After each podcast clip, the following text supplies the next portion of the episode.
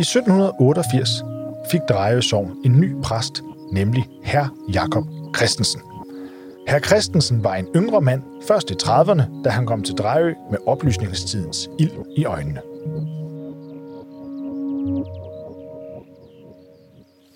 Sidst i 1700-tallet levede de fleste bønder, som bønder havde gjort i århundreder. De levede i deres små landsbyer af bindingsværkshuse og dyrkede jorden i fællesskab. Hver gårdmand havde sin jord spredt ud på mange små lodder og havde altså ikke sin egen indhegnede mark. Det betød, at når der skulle pløjes, sås eller høstes, så skulle landsbyen være enige og gøre det nogenlunde samtidig. Fællesskabet var ekstremt vigtigt. Det var simpelthen rammen om bøndernes liv, og sådan var det også på Drejø. Og hvorfor ændre på det, synes mange bønder og herremænd.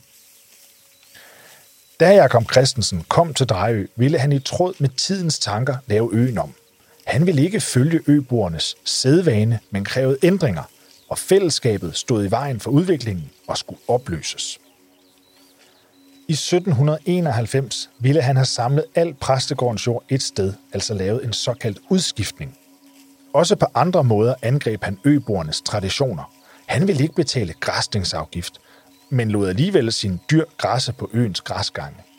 Som svar på præstens krav, så blev bønderne enige om at fryse præsten ude. Ingen måtte låne ham båd eller hjælpe med at sejle.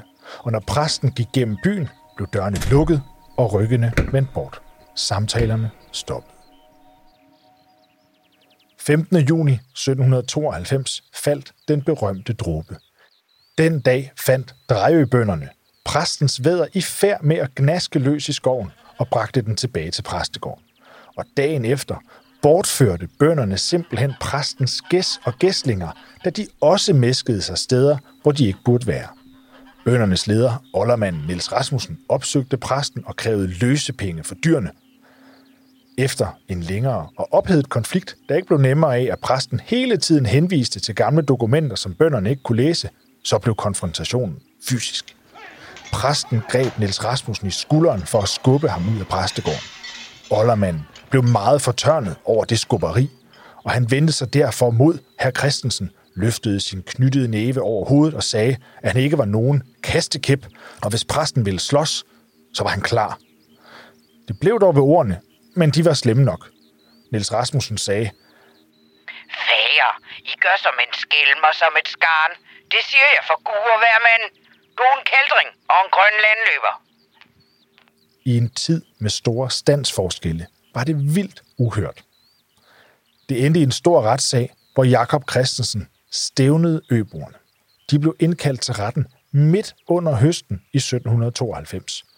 Efter flere års kamp i retten blev der opnået forlig. Præstens jord blev udskiftet og udskilt, og så slap øboerne også for at forhandle mere med ham, håbede de. Men i november 1794 var der kur på tråden igen. Jakob Christensen skrev til kongen, at øboerne nu nægtede ham størstedelen af de indtægter, han ellers havde ret til.